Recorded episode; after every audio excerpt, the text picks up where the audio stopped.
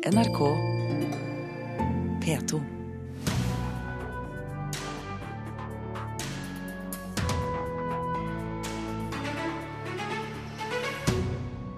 Stortinget vurderer statsstøtte til TV 2. Dagbladets sjefredaktør tror knapt sine egne ører og møter Arbeiderpartiet til debatt.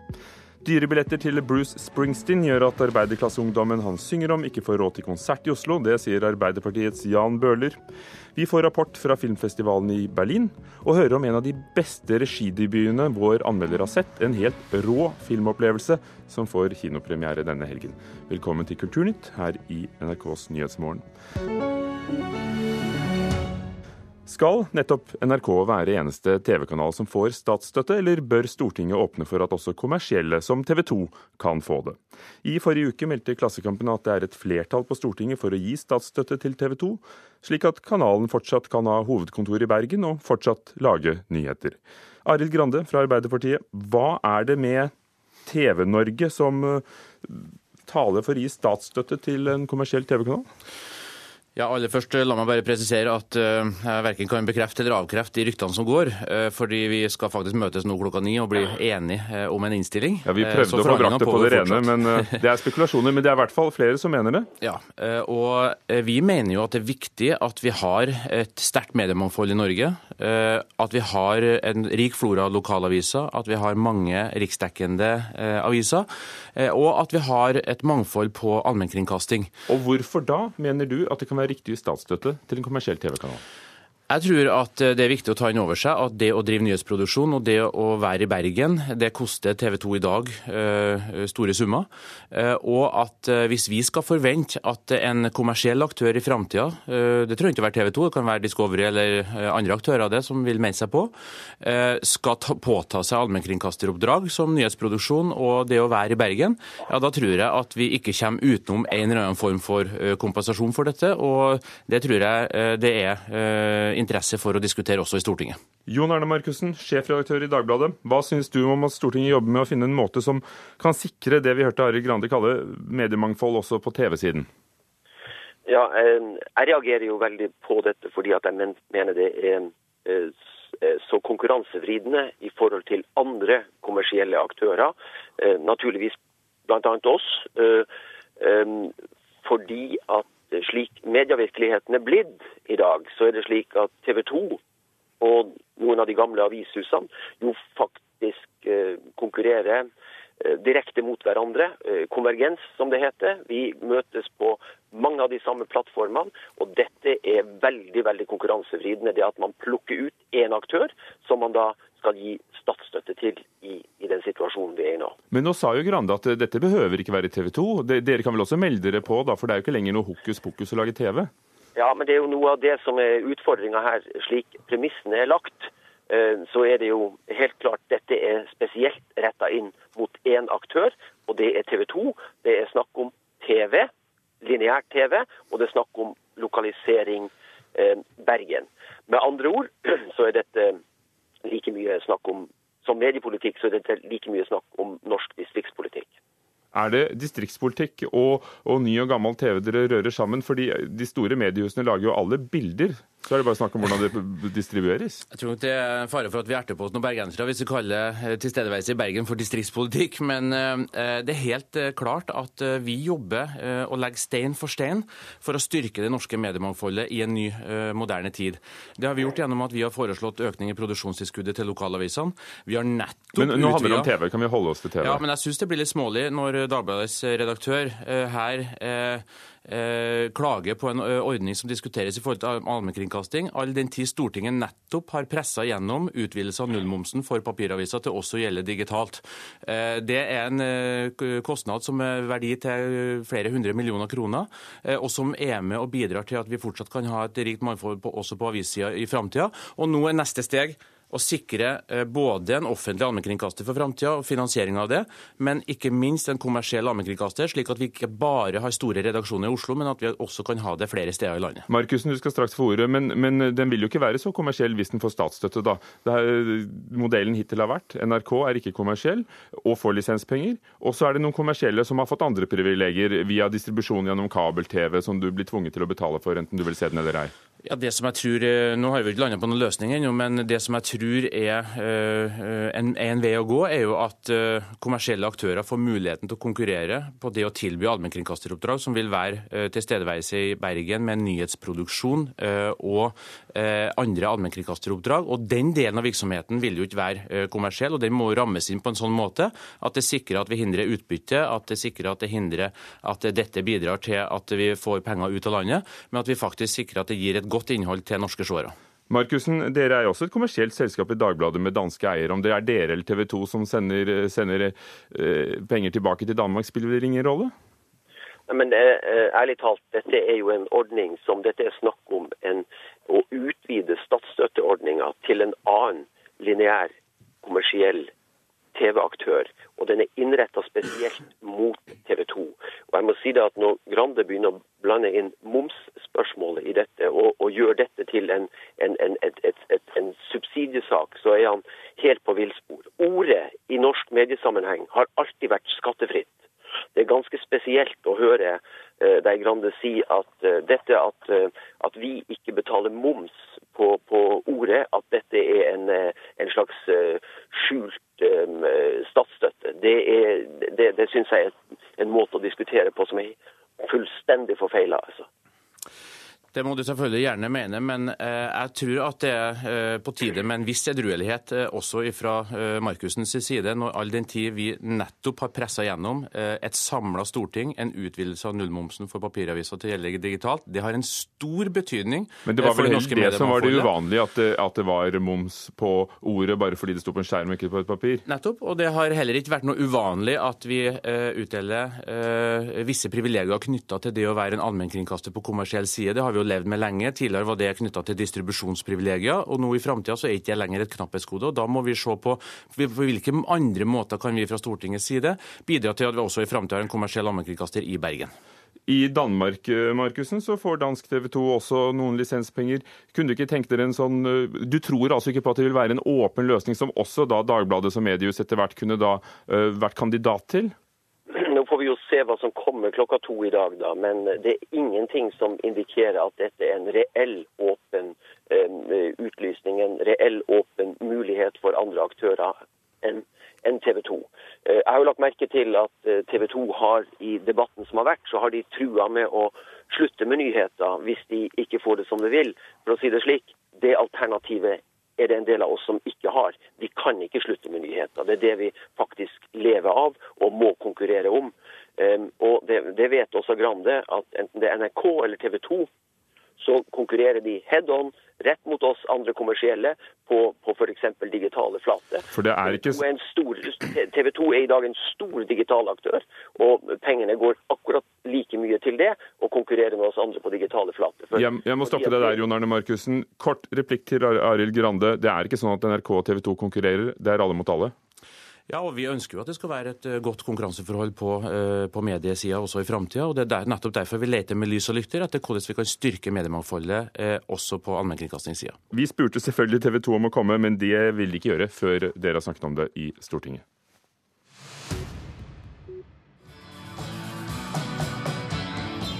Promise me, baby, you won't let them find us. Hold me in your arms, let's let our love blind just Cover me.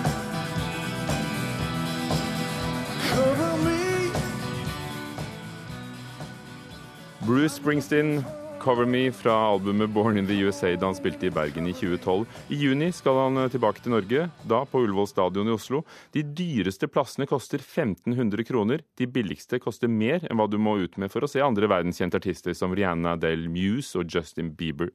Forfatter Hans Olav Tyvold, som har skrevet bok om Springsteen, er skuffet.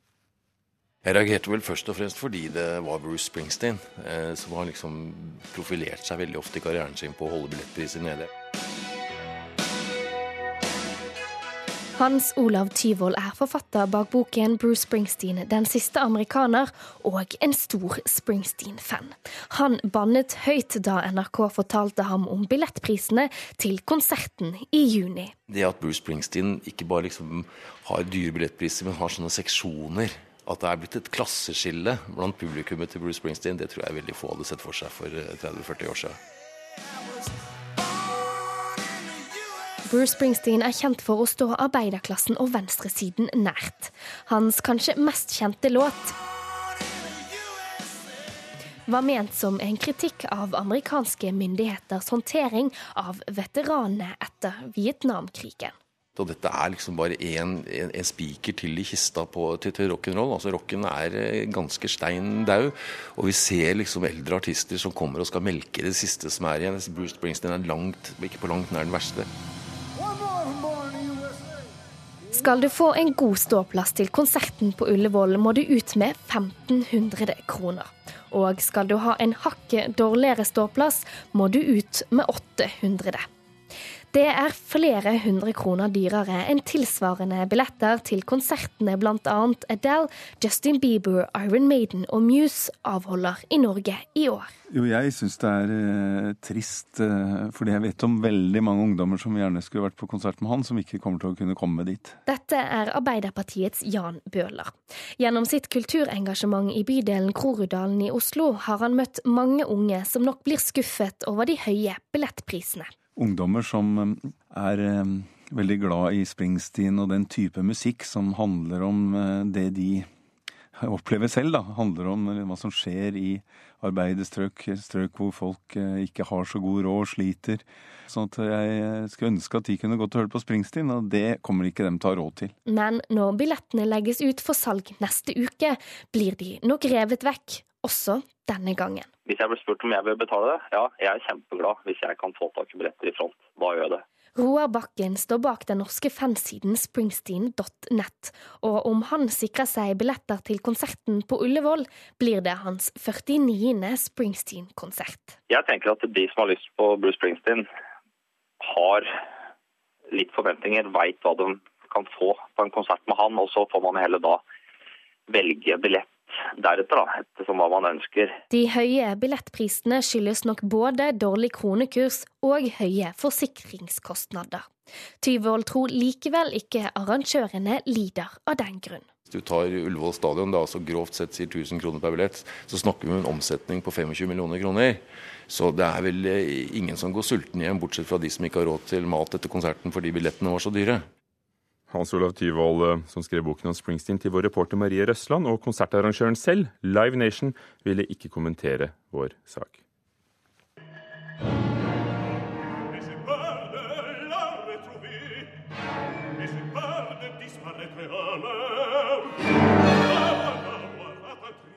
Dette er ikke Bruce Springsteen, men operaen 'L'amour de loin', 'Kjærligheten langt bortifra', av den finske komponisten Kaja Sariao og hun blir nå den aller første kvinnelige komponisten som blir satt opp på et av verdens aller mest kjente operahus, nemlig Metropolitan Opera i New York.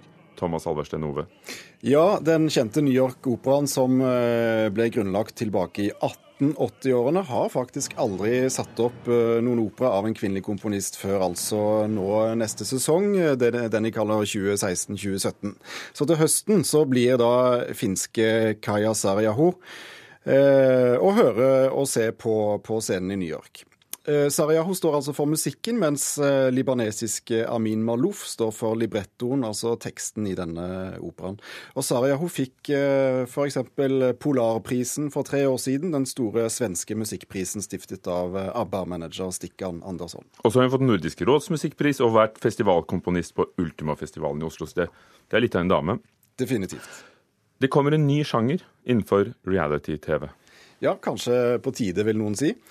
Vårt Land skriver i dag at det nå kommer to serier eh, som de har valgt å kalle kristen reality. Først ut i slutten av måneden er VGTV med serien Frelst. Der skal programleder Ruth Helen Gjevert finne ut hvordan det er mulig å sette troen foran alt annet i livet. Det gjorde hun nemlig selv for en del år siden da hun var aktiv i ungdomsbevegelsen Jesus Revolution Army. Og etter påske så kommer også serien Guds lærlinger på NRK1. Der følger vi fem studenter ved en bibelskole i Stavanger. Og Prosjektlederen for denne serien sier til Vårt Land at uh, i et individualistisk samfunn så er det interessant å følge unge som lever for noe som er større enn seg selv. Takk, Thomas Alverstein Ove, reporter. Klokken nærmer seg 18 minutter over åtte dører på Nyhetsmorgen i NRK. Overskrifter i dag. Helsedepartementet åpner for at kvinner som er gravide med tvillinger, kan abortere ett foster og la ett leve. Men ledere ved Oslo universitetssykehus og Nasjonalt senter for fostermedisin fraråder dette.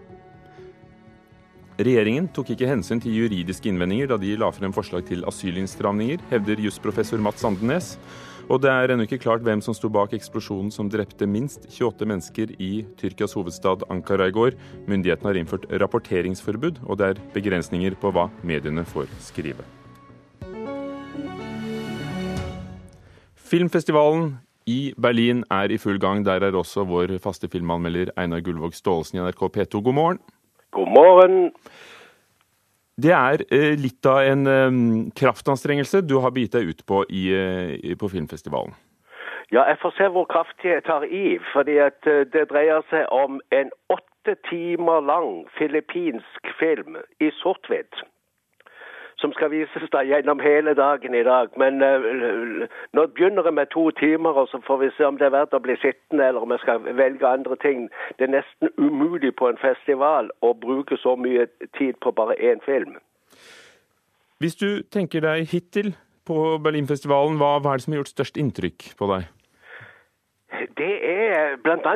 to franske filmer. Altså, det så ut til på forhånd at Frankrike kom til å bli et interessant land, og det er det blitt.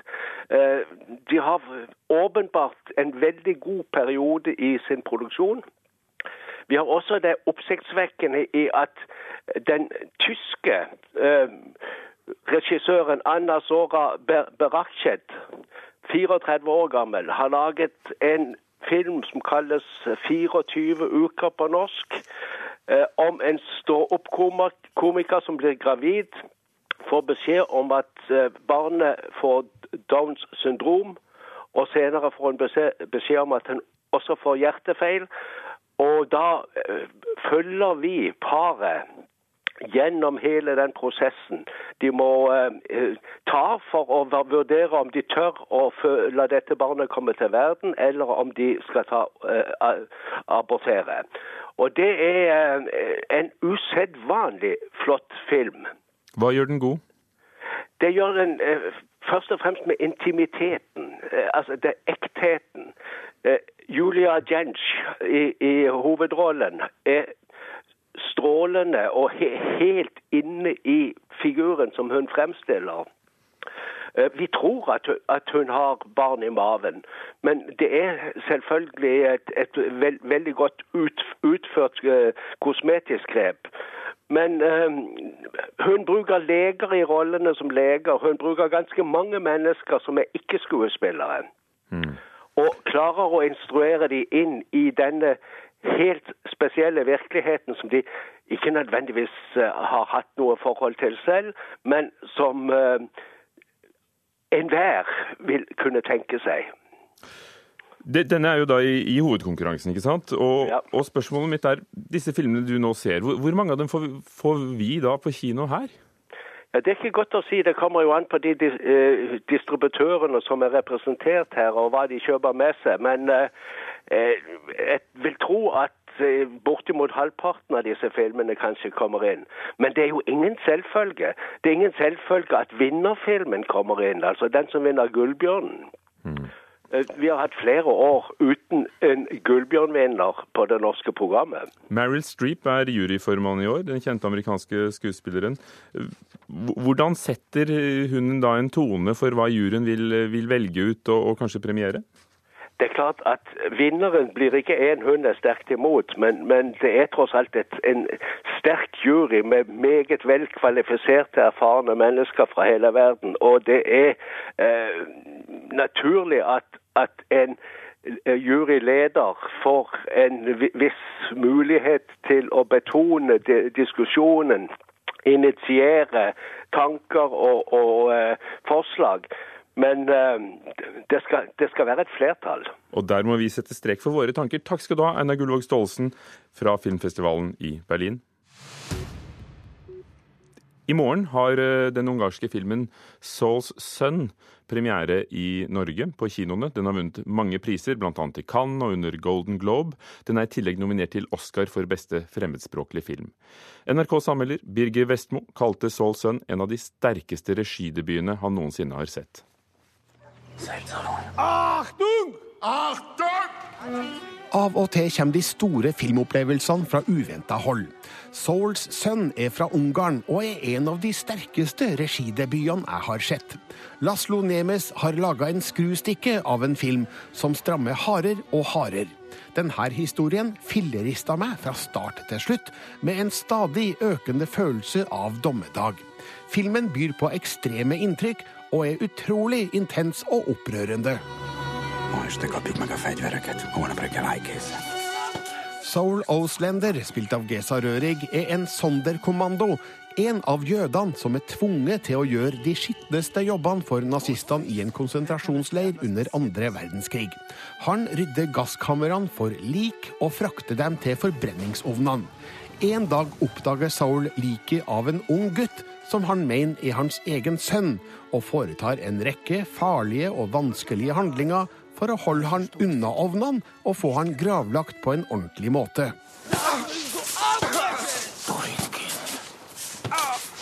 Filmen er akkurat så mørk og jævlig som den høres ut som. Vi blir tatt med inn i et univers så umenneskelig at det nesten ikke er til å tro. Åpningsscenen, skutt i én lang tagning, er allerede en klassiker, der gasskammerprosessen skildres på en tilnærma dokumentarisk måte. Følelsen av forvirring, redsel og panikk er ekstremt godt skildra.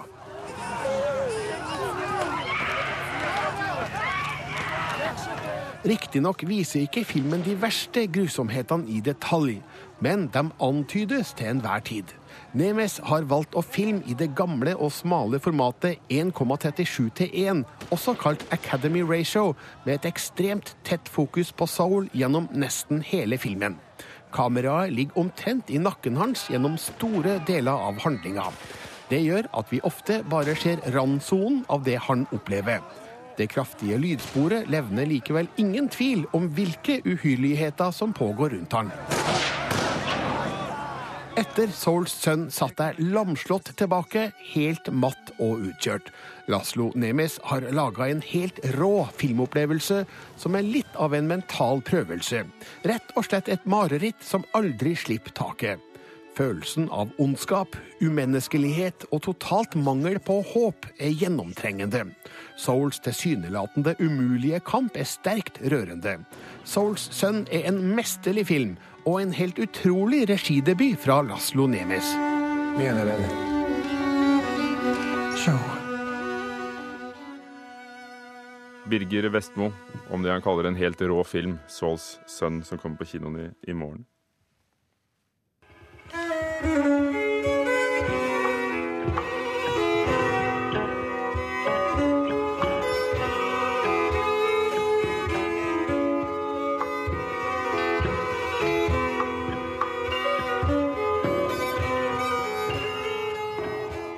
Dette er en av Norges fremste hardingfelespillere, sammen med musikere som ellers lager støyrock og fri improvisasjon. Erlend Apneset Trio er resultatet, og platen Det andre rommet, som akkurat kom ut. Jazzanmelder Svein Magnus Furu, aller først, gi oss to karakteristikker. Ja, dette her syns jeg er en, en grensesprengende plate som eh, på samme tid føles urgammel og helt ny. Urgammel og flunkende ny. Hvem er Erlend Apneseth? Jo, Han er en av landets eh, fremste spillemenn, som du nevnte. Han eh, er allikevel bare 26 år gammel. Han er eh, elitespiller i landskapsleiken, så han er helt, helt, på toppen av de norske hardingfjellspillerne. Dette er faktisk bare den tredje platen han er med på. Han har gitt ut folkemusikk fra hjembygda Jølster i Sogn og Fjordane, og han hadde en solodebut som heter Blikkspor fra 2013, som var resultatet av at han vant Grappas debutantpris i 2012. Eh, han har fått med seg to musikere som er sentrale herrer i, i Bergens jazzmiljø. Det er eh, gitarist Stefan Meidel og trommeslager Øyvind Hegg Lunde. De to spiller sammen i band fra før, i et band som heter The Sweetest Thrill, som er en eh, veldig mørk og energisk støyduo. Med veldig harde riff og et ganske massivt lydbilde. Med andre ord veldig langt unna det som vi hørte her til å begynne med. Er det da to motsetninger som møtes? Det er jo egentlig det, men de får det til å funke, syns jeg, på en, en, veldig, en, veldig, god måte. Eh, begge gir og tar litt. Eh, de møtes litt på mellomveien. Denne fiolinisten, eller den fellesspilleren, han eh, er med og improviserer og spiller sine egne ting i tillegg. Denne kombinasjonen med jazz og folkemusikk, den er jo ikke akkurat ny. Men det som er nytt her, er hvordan folkemusikken blir liksom plukket fra hverandre bit for bit, som settes sammen inn i et nytt, nytt rammeverk. Så har du da gitarene, gitarene og trommene som lager spennende lydbilder, og så fletter hardingfele seg inn og ut. Og så andre ganger så er hardingfela mer på egen hånd. Apneseth bruker noen eh, alternative spilleteknikker som får helt nye klanger ut av fela.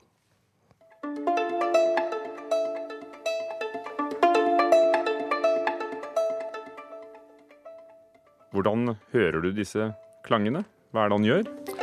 Jo, her så hører vi at han spiller Her stryker han ikke på, på strengene, men han spiller på dem med fingrene. Det er ganske likt en spilleteknikk som Ola Kvernberg, jazzfiolinisten, har utviklet og blitt veldig kjent for. Eh, og det, det, gjør altså at han klarer å kombinere den urnorske lyden av hardingfela med, med, et helt moderne lydbilde fra gitaren og, og, trommene. Det er det du mener med ny og gammel? Det er det jeg mener med ny og gammel. At du har liksom den gamle klangen, en gammel, gammel klang, eh, som, og litt sånn urnorsk, egentlig, eh, som er denne hardingfeleklangen. Mens eh, det blir veldig samtidig. Det settes inn Vi flytter oss inn i 2016 med en gang. Disse effektene fra gitaren og, og looper og alle mulige moderne eh, produksjonsteknikker settes inn sammen med dette hardingfelespillet.